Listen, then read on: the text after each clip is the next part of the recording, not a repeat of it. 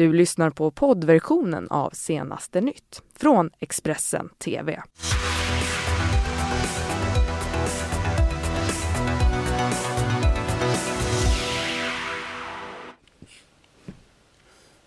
Välkomna till senaste nytt med mig Karin Bülow Ja, och med mig Ylva Johansson.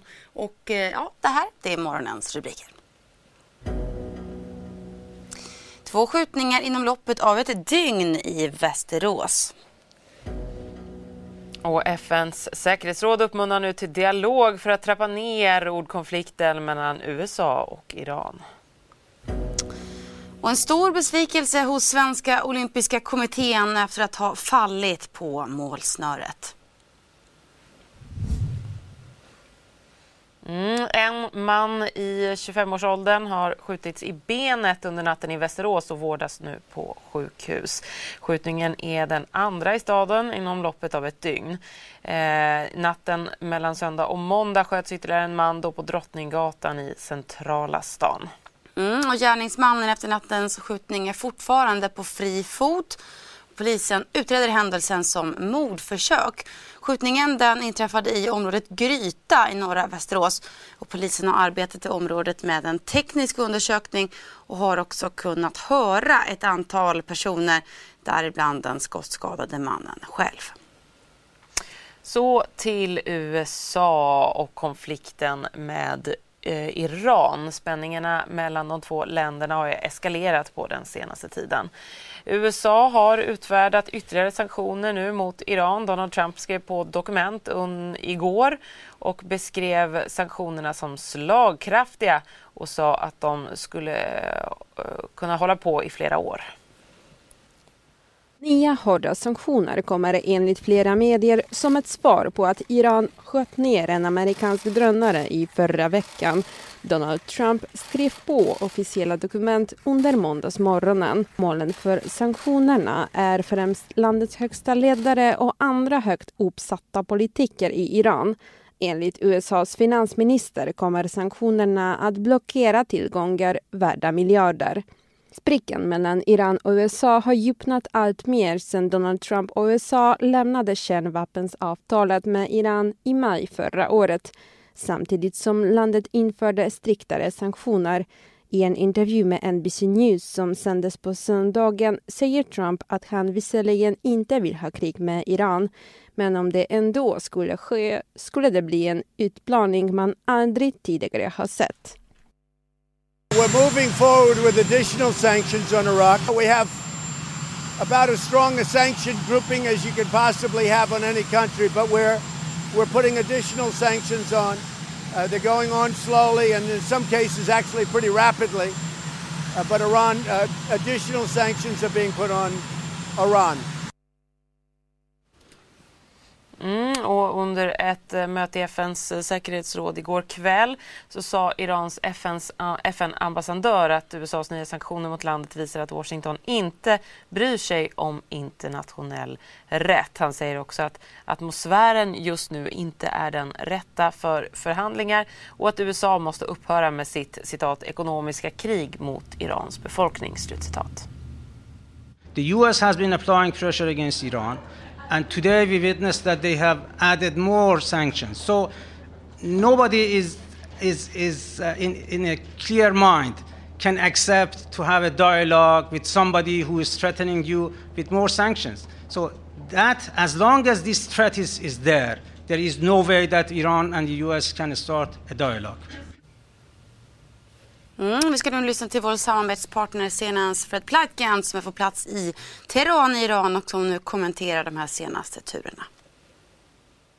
Iranian state media and state news agencies have already been reacting to the new sanctions put on uh, Iran by the Trump administration. The uh, state run broadcaster saying that these uh, sanctions look more like propaganda than anything real. And uh, one of the state run news agencies saying that President Trump seemed delusional when putting uh, new sanctions on I- Iran and, of course, Iran's senior leadership. Now, what the Trump administration is saying is that they are sanctioning the supreme leader and the circle around him, but then also senior figures of Iran's Revolutionary Guard Corps. Now, many of the folks who are being sanctioned by the Trump administration now have already been under sanctions for quite a while. So it's very difficult to see how these sanctions are going to change uh, Iran's behavior on the international stage. Now, of course, one of the things that the Trump administration has been saying is they want to force Iran with these sanctions back to the negotiating table. But at the same time, the head of the Treasury, Steve Mnuchin, announced that he will soon be sanctioning Iran's top diplomat,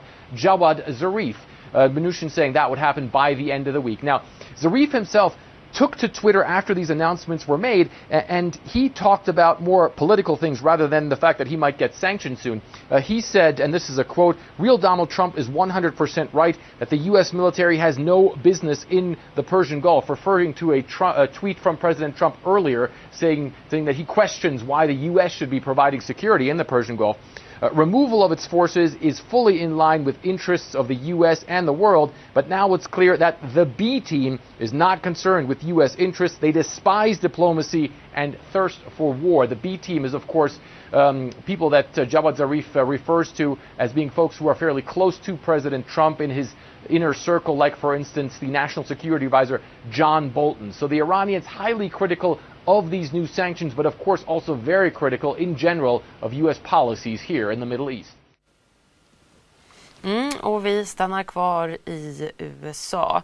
Journalisten E. John Carroll berättar nu att USAs president Donald Trump förgrep sig på henne under 90-talet. I en intervju med CNN berättar hon om varför hon inte trätt fram tidigare.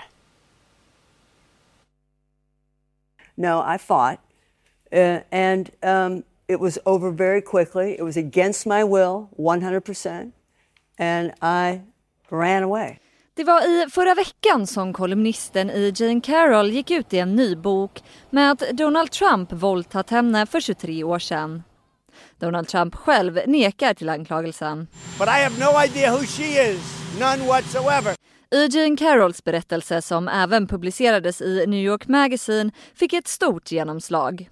Hon berättade hur Trump tryckt upp henne mot en vägg i ett provrum i ett varuhus och våldfört sig på henne. It was a fight. It was a, I want women to know that I did not stand there, I did not freeze, I was not paralyzed, which is a reaction that I could have had because it's so shocking. No. Under 2016 när Donald Trump ställde upp i presidentvalet så gick flera kvinnor ut och anklagade honom för sexuella övergrepp. Men E. Jane Carroll funderade inte på att berätta sin historia vid den tidpunkten.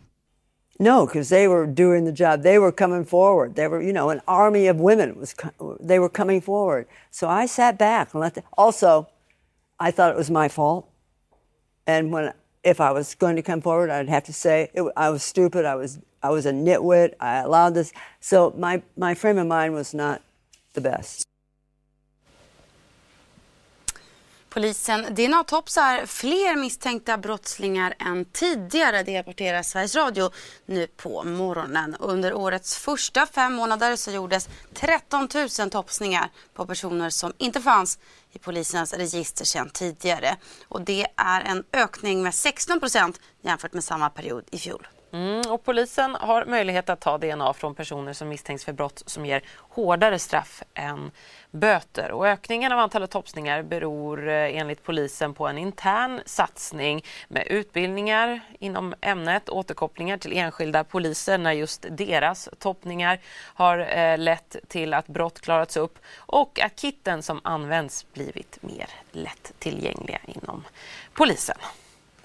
Så till Danmark. Det går fortsatt trögt i de danska regeringssamtalen. Efter 19 dagars förhandlingar har tålamodet börjat tryta för såväl Mette Fredriksen som hennes motparter i Radikale Venstre, Socialistisk Folkeparti och eh, Enhedslisten. Mm, gårdagens över tio timmar långa möte slutade även det utan ett avtal. Och Fredriksen hon siktar ju på att bilda en S-ledd minoritetsregering som har stöd från de tre andra partierna. Eh, och partierna är först och främst oeniga om invandringspolitiken och den ekonomiska politiken. Mm.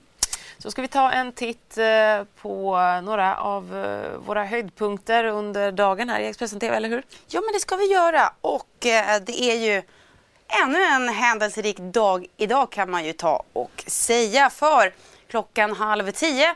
Då är det nämligen så att det kommer ny statistik ifrån SCB som handlar om valdeltagandet. SCB presenterar ny statistik från valet i höstas om valdeltagandet i olika grupper i samhället. Bland annat uppdelat på, på län, kön, ålder, inkomst och civilstillstånd.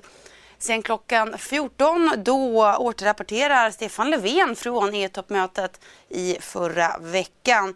Eh, där han var på möte i Europeiska rådet och de bland annat då pratade om klimatet. Eh, mer om det lite senare idag alltså. Men idag så är det också tio år sedan Michael Jackson dog. Han dog av en överdos 50 år gammal. Mm. Och så ska vi återkoppla till gårdagens besked eh, när det blev ett faktum att Sverige inte får vinter-OS 2026. Så här lät det när beskedet kom. The members of the International Olympic Committee have elected the host city of the Olympic Winter Games 2026. The host is Milano Cortina.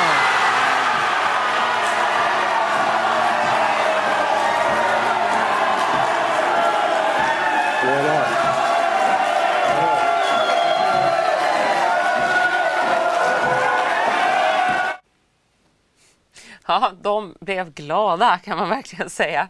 Expressens reporter Filip Gadd han var på plats eh, i Schweiz under omröstningen och berättade så här om delegationens reaktioner efteråt. Det fanns en eh, svensk optimism hela dagen här i Lausanne, men när eh, IOKs president Thomas Bach läste upp sitt kuvert med värdlandet, ja då var det istället eh, Milano som fick OS 2026 och det var väldigt besvikna svenskar som efteråt gick igenom i den mixade zonen. Det var en hel del tårar i den svenska delegationen direkt efter beskedet. Och bland annat Peter Forsberg var mycket besviken på att IOK inte valde Sverige, ett land som aldrig tidigare arrangerat vinter-OS utan istället istället då valde Italien som så sent som 2006 fick eh, arrangera de olympiska vinterspelen då i Turin. Samtidigt väldigt glada italienare här på plats som ropade och skrek och viftade med eh, sina flaggor och nu är det för svensk del väldigt oklart. Kommer man att eh, kunna kraftansamla ytterligare en gång och ansöka om vinterspelen 2030? Det rådde delade meningar kring det. Den dubble OS-guldmedaljören i curling, Anette Norberg, sa att det känns nog som att det kommer vi aldrig att kunna göra. Det här var nog sista chansen för Sverige. Samtidigt så var flera delegater från SK lite mer försiktiga och lite mer öppna och ville föra fram en diskussion om man kanske skulle ta fram ett bud igen om eh, fyra år. Vi får se, kanske var det här sista chansen någonsin för Sverige att eh, få arrangera ett eh, olympiskt spel. Och då föll man alltså på målsnöret med 13 rösters marginal. Det blev istället Milano och Cortina som kommer att få arrangera vinter-OS och Paralympics om sju år. Du har lyssnat på poddversionen av Senaste nytt från Expressen TV. Ansvarig utgivare är Thomas Mattsson. Ett poddtips från Podplay. I fallen jag aldrig glömmer djupdyker Hasse Aro i arbetet bakom några av Sveriges mest uppseendeväckande brottsutredningar. Går vi in med hemlig telefonavlyssning och, och då upplever vi att vi får en total förändring av hans beteende. Vad är det som händer nu? Vem är det som läcker? Och så säger han att jag är kriminell, jag har varit kriminell i hela mitt liv men att mörda ett barn, där går min gräns. Nya säsongen av Fallen jag aldrig glömmer på Podplay.